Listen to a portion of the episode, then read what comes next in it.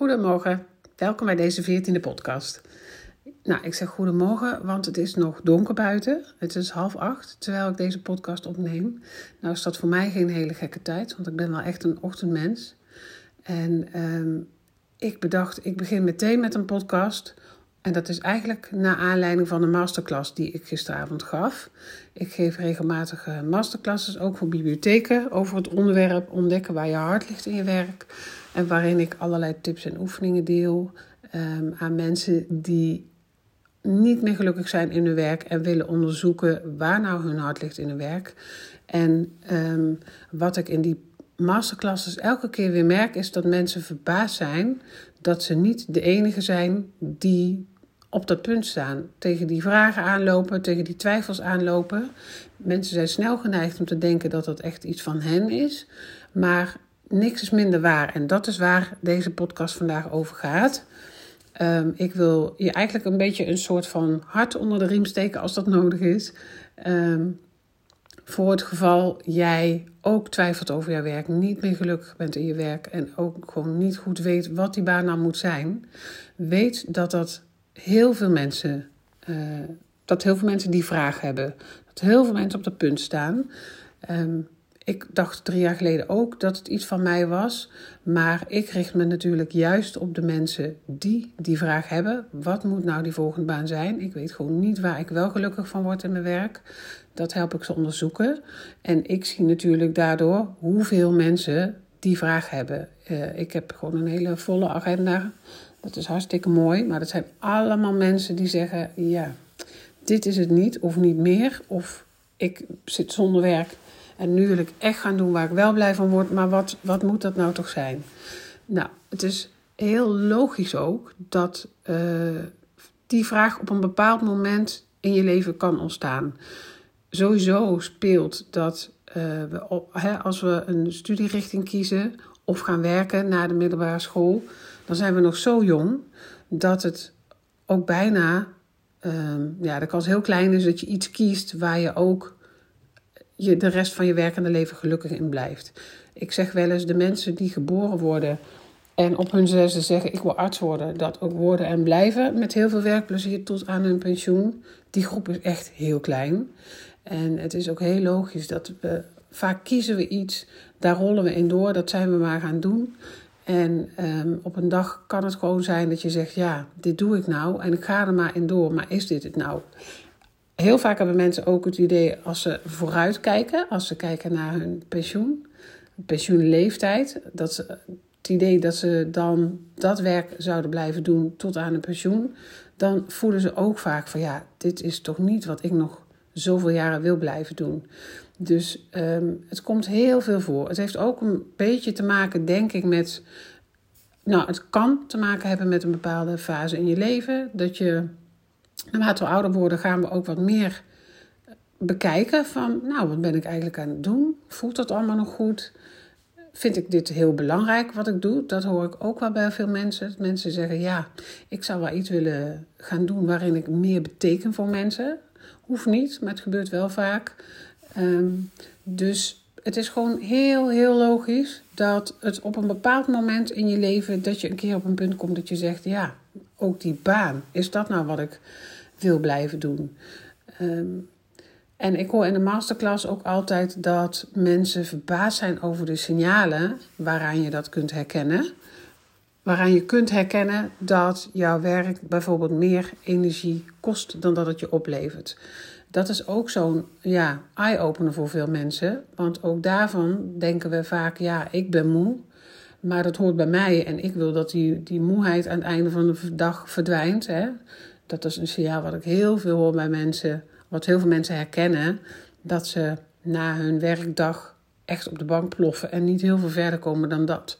Terwijl ze veel liever iets zouden willen ondernemen nog. Sporten of een hobby of iets anders dan maar voor die tv hangen, hoor ik heel, heel vaak. Dus uh, als jij dat herkent, weet dat dat echt hoort bij werk hebben wat gewoon meer energie kost dan dat het je oplevert. Wat ook een voorbeeld is, is dat je bijvoorbeeld echt van weekend naar weekend leeft. Dat je op zondag het gevoel hebt van, oh, mijn moed zakt in mijn schoenen, morgen begint mijn werkweek weer. ehm, hoor ik heel veel, is absoluut een signaal. Als je dat hebt, um, dat is een signaal die, of eigenlijk een situatie die best wel dubbel opwerkt zelfs. Want het betekent dat je uh, met tegenzin aan je nieuwe werkweek begint. Dus betekent dat jouw werk je echt te veel energie kost. En tegelijkertijd ben je op zondag al na aan het denken over die maandag. Ben je eigenlijk al aan het balen dat die maandag er weer aankomt. Dus jij hebt op zondag ben jij al, um, ja, verbruik je al energie of kost het je al energie. Terwijl je die zondag juist extra hard nodig hebt het hele weekend om op te laden. Want als jouw werk meer energie kost dan het je oplevert, dan heb je je weekenden heel hard nodig om er even bij te denken, op te laden, die energie een beetje weer omhoog te krijgen. Um, nou, misschien herken je dat ook. Ik hoop het niet, maar uh, hoor ik vaker dat mensen ook zeggen: ik ben in het weekend gewoon ook minder ondernemend of meer moe dan ik zou willen. Sowieso, mensen krijgen op een gegeven moment wat minder zin in sociale activiteiten. Mensen, ja, weet je, dat is heel logisch. Op het moment dat je minder energie hebt, kruip je wat meer terug. Uh, ja, weet je, in je eigen ruimte, zeg maar. Dus ja, je, je kunt je energie maar één keer verbruiken. En dan ga je gewoon wat selectiever om met die energie. Maar het kan wel zo zijn dat je denkt, dat herken ik ook van mezelf destijds. Dat je denkt, ja, dit is gewoon niet hoe ik wil dat de situatie is. Dit is ook niet hoe ik eigenlijk ben. Ik wil juist in het weekend nog iets kunnen doen. Uh, in plaats van alleen maar moe of alleen maar hangen of ja, weinig puff hebben. Dus dat is ook iets waarvan veel mensen ja, verbaasd zijn dat heel veel mensen in die situatie dat herkennen. Wat ook een signaal is uh, die veel mensen herkennen, een signaal dat veel mensen herkennen, is dat je heel veel praat en nadenkt over je werk. Meer dan dat je zou willen. Um, nou ja, nadenken doen we helaas ook veel s'nachts. Dus ik hoor ook veel mensen die s'nachts wakker liggen. Als dat zo is, dat is ook een signaal om heel serieus te nemen. Omdat daarvoor hetzelfde geldt als wat ik net zei voor de zondag. Op het moment dat jij s'nachts wakker gaat liggen en over je werk aan het tobben bent, dan, ja, weet je, die nachtrust heb je nou juist extra hard nodig. Die heeft elk mens nodig, maar die heb je zeker nodig als jouw werk je al veel energie kost. Dus ook die werkt naar twee kanten toe. Um, veel praten over je werk, die herken ik ook van mezelf destijds. Dat je denkt, god, nou heb ik het er weer over. Uh, ik heb het zo nodig om, om dat te ventileren.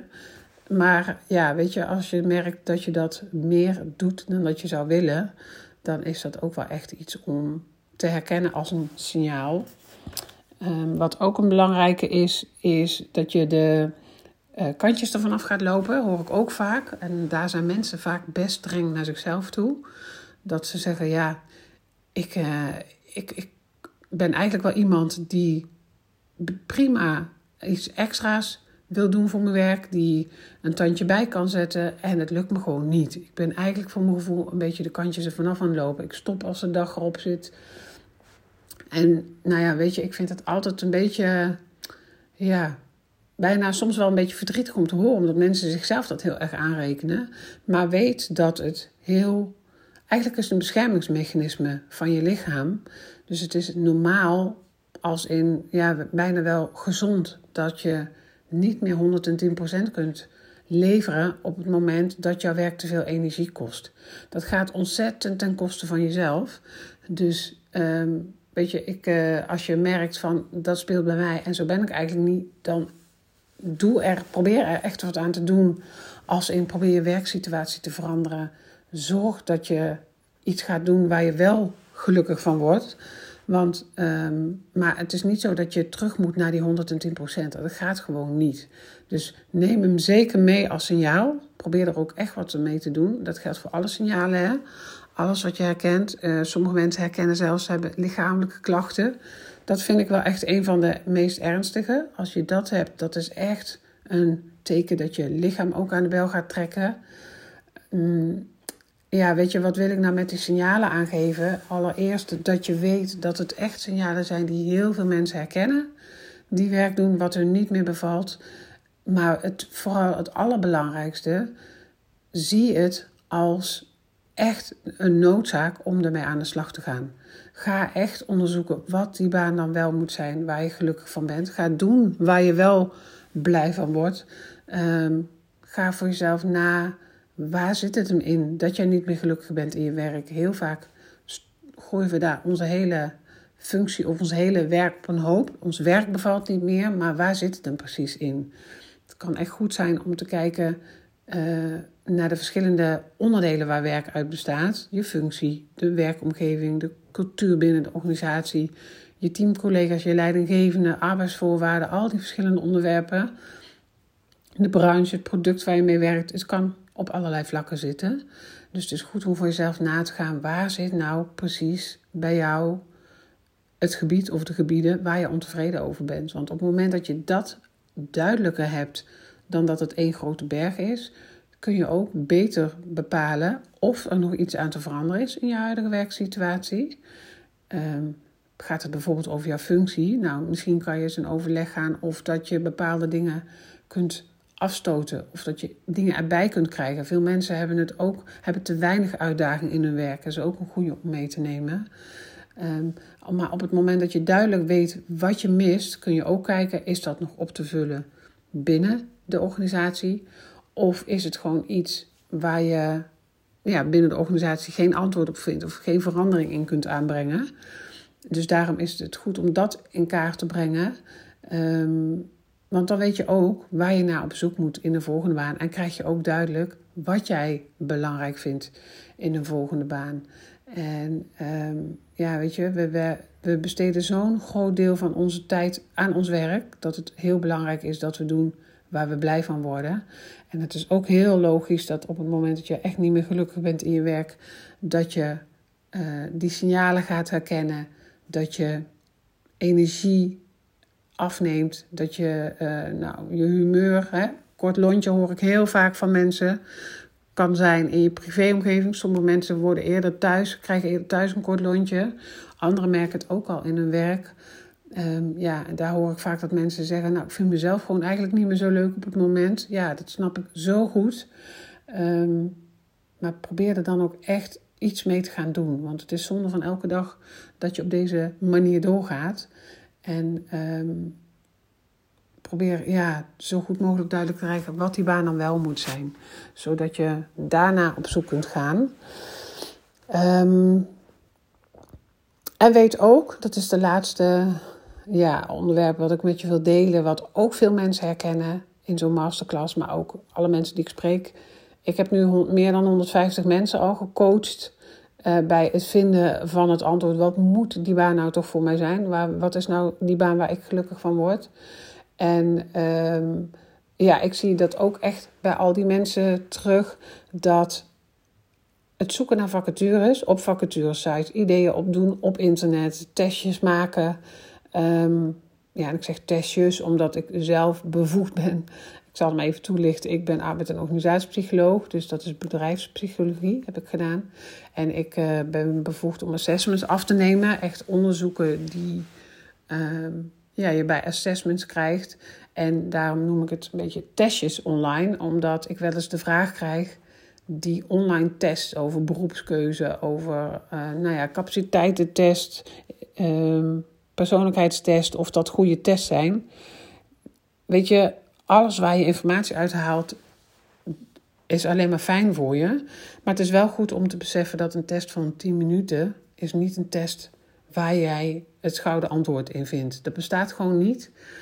Dan kom ik te veel uit de wetenschappelijke onderbouwde testwereld, zeg maar. Um, ja, dat gaat gewoon niet. Je kan niet op basis van vijf vragen het antwoord krijgen op die baan. Dus ik hoor van heel veel mensen, ja, ik maak van de testjes, maar daar word ik ook niet wijzer van. Nee, dat kan ik me ook voorstellen. Dat kan ook bijna niet. Maar ik, waarmee ik niet zeg dat je ze niet moet doen. Want weet je, je zult er maar net wel een idee op doen. Maar we, gaan, we zijn geneigd, als het niet goed weet, om in die buitenwereld op zoek te gaan naar wat die volgende baan moet zijn. En daar is mijn grote tip draai dat om. Je bent dan echt in een omgekeerde volgorde aan het kijken. Want je bent in de buitenwereld na aan het gaan wat jij wil doen. Terwijl je bij jezelf moet nagaan wat jij wil doen. Dat is echt andersom werken. En het is zo logisch als wat hè, dat we doen, want we hopen dat we dingen tegenkomen. Heb ik zelf destijds ook gedaan toen ik niet goed wist wat die baan moest zijn. Ik wist wel heel duidelijk, ik wil voor mezelf beginnen. Maar ik wist niet goed als wat dan. En ik ben toen zelf ook gaan googlen. En ja, weet je, tuurlijk, je hoopt dat je op een dag iets ziet en denkt, ja, dat is wat ik zoek. Maar die kans is heel klein. Ik hoor bijna nooit dat mensen op die manier op het idee komen. Ik hoor wel eens dat mensen zeggen, nou, en toen kwam ik iets tegen en ik dacht, nou, dat lijkt me wel aardig, misschien is dat het. Dat zijn gaan doen om vervolgens toch ook weer te ontdekken, ja, is dit nou helemaal waar ik blij van word? Nee, ook niet. En dat is een beetje het risico als je in de buitenwereld zoekt naar wat jou nou precies aanspreekt. Want dan ben je als een, ja, eigenlijk ben je aan het zoeken naar een speld in een hooiberg. En op het moment dat je, om, dat je het omdraait en bij jouzelf gaat beginnen, wat vind jij nou belangrijk? Wat moet voor jou nou die volgende baan hebben? Waar word jij precies blij van? Wat vind jij belangrijk? Dan ben je aan het kijken naar wat bij jou past, in plaats van omgekeerd. Ehm, dus dat is ook nog iets wat ik wel wil meegeven, omdat ik heel vaak hoor dat mensen dat ja, ook verbaasd over zijn dat iedereen daar tegenaan loopt. Maar dat is zo logisch als wat. En vacatures zoeken, ideeën opdoen op vacaturesites, zoeken naar functies. Het kost heel veel tijd. Vaak frustreert het omdat je twee uur verder bent en niet hebt gevonden wat je zoekt. Dus ik hoor, ik, heb, ik hoor ook nooit dat mensen daar blij van worden. En eigenlijk ontmoedigt het heel erg. En dat is gewoon ook heel logisch omdat het heel veel informatie is en de kans heel klein is dat je op die manier je antwoord vindt. En nog even een aller, allerlaatste tip, want dat is ook vaak een eye-opener voor uh, veel mensen in deze situatie. Mensen solliciteren vaak op allerlei functies. En ik hoor heel vaak terug dat mensen zeggen: Ik word gewoon niet uitgenodigd, ik kom er niet tussen, ik mag niet op gesprek. En als ik op gesprek mag, dan word ik afgewezen. Weet ook dat dat waarschijnlijk heel erg te maken heeft met het feit dat jij niet goed weet of die baan het voor jou is. Ik ben zelf 20 jaar HR-consultant en een HR-manager geweest. En ik heb echt met tientallen uh, managers sollicitatieprocedures gedaan.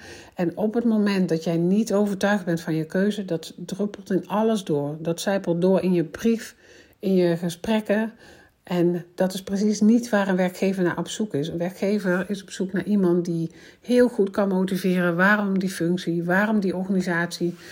Als je echt weet waar je blij van wordt, dan spat dat ook van je brief af. Ik zie dat ook bij mijn klanten, die op het moment dat ze duidelijk hebben wat die baan moet zijn en dan gaan solliciteren, ja, weet je, het gas gaat erop, het enthousiasme spat eraf en ze komen ook gewoon bij die baan. En dat heeft echt te maken met het goed weten wat je precies zoekt, dat ook kunnen overbrengen. En omgekeerd, op het moment dat jij nog een soort van vraagteken hebt van ja, hmm, is dit het wel? Ja, dan, dan mis jij die overtuiging in je brief. Je mist zeker de overtuiging in een gesprek. Ehm, je kan daar misschien ook niet helemaal de goede vragen stellen. Dus ook al kent die werkgever jou niet, die proeft toch in een gesprek van, nou, ik was, miste toch ook wel het vuur of het enthousiasme over die, over die functie of die organisatie. Dus dat wil ik je alleen maar meegeven uh, om je te laten inzien dat mocht jij merken, ik solliciteer en het lukt me niet zo, dat het, de kans heel groot is dat het daarmee te maken heeft. En dat is, ja, vandaar dat het ook daar weer echt belangrijk is dat je gaat onderzoeken wat, je, wat wel bij je past, zodat je dat ook veel gerichter kunt ja, benoemen in een brief, benoemen in een gesprek, kunt toelichten, enthousiast over kunt zijn. Dus dat, uh, die geef ik je nog even mee, omdat heel veel mensen, als ik dit noem, ook in de masterclass zeggen: Oké, maar nou snap ik inderdaad, ik herken dit. Ik ben maar een beetje links en rechts over aan het solliciteren in de hoop dat ik een keer op gesprek mag. En daar gaat het waarschijnlijk dan mis. Dus ja, dat is ook een goede om, om te weten en om mee te nemen. Waarmee ik zeker niet zeg dat je moet stoppen met actie ondernemen. Hè? Want alles wat je doet om het duidelijk te krijgen. En alles wat je helpt om die vraag beantwoord te krijgen. Alleen maar goed. Neem vooral die regie. Ehm, want hoe meer jij in de actie komt en hoe meer je lijntjes je uitzet, hoe meer duidelijkheid je ook zult krijgen. Maar het is meer bedoeld om het inzicht te geven dat mocht jij merken, het lukt me niet, dat het daaraan kan liggen. Maar vooral die regie, wat ik net noem, die is heel belangrijk. Zorg dat je zelf aan zet blijft. Niks is zo vervelend. Ik heb eens van een psycholoog gehoord die zei tegen me: waar een mens het slechtst tegen kan, dat is onzekerheid. En ehm, op het moment dat je het gevoel hebt, ja, ik weet niet goed wat die baan moet zijn, heb je ook het gevoel dat je een beetje bent overgeleverd, dat je meedobbert, of dat je werkgever misschien zelfs wel aan zet is of bepaalt. En het is zo goed om het gevoel terug te krijgen dat jij aan zet bent, dat jij het bepaalt. Als je het even ruim ziet, hè, jij bent toch echt degene die gaat over jouw eigen loopbaan. Jij bent degene die aan zet is. Jij mag bepalen of jij daar blijft werken of niet. Ehm, jij mag bepalen of je een andere baan gaat doen. En zo ja, welke dan?